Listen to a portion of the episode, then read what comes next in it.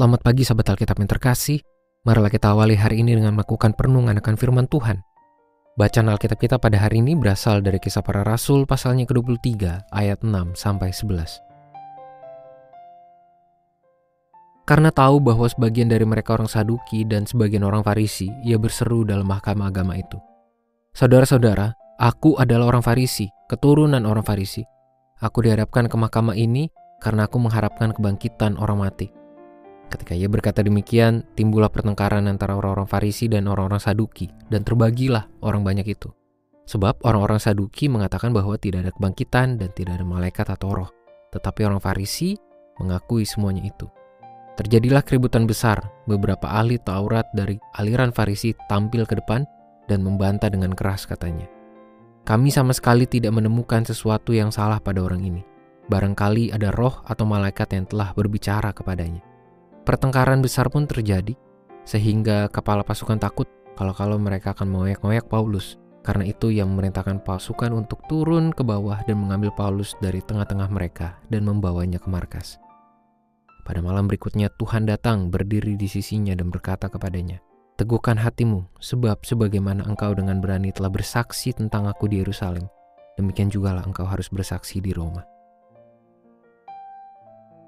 Pertengkaran yang terjadi di antara para pemuka Yahudi pada saat itu telah menunjukkan salah satu bentuk kerapuhan pada mereka itu sendiri. Perbedaan cara pandang terkait beberapa topik teologis di antara mereka pun menjadi menguat pasca Paulus mengakui latar belakangnya sebagai seorang Farisi yang juga memiliki keturunan Farisi. Alhasil ada kelompok yang bela Paulus, mungkin karena merasa memiliki identitas yang sama, namun ada juga kelompok yang ingin menjatuhkan hukuman kepadanya. Suasana yang mulai menjadi pertengkaran itu pun memaksa kepala pasukan untuk membawa Paulus keluar dari kerumunan menuju markas demi keamanan Paulus. Gambaran situasi yang tidak kondusif beserta respons dari kepala pasukan tersebut telah cukup menggambarkan betapa ricuh dan tingginya ketegangan emosi yang terjadi di antara para pemimpin Yahudi untuk menilai sosok Paulus. Semua terjadi karena Paulus telah dengan berani memberikan kesaksian mengenai pengalaman imannya bertemu dengan Yesus Kristus hingga keputusan Paulus untuk menjadi pelayan firman-Nya.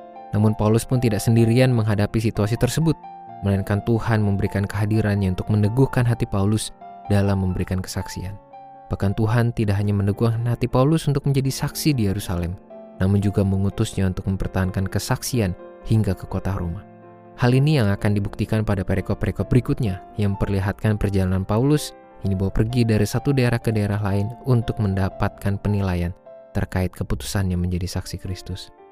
Sahabat Alkitab, kisah Paulus ini telah menunjukkan kepada kita mengenai petualangan iman sebagai saksi Kristus yang tidak serta-merta dipenuhi dengan kenyamanan dan penuh kelimpahan kenikmatan hidup.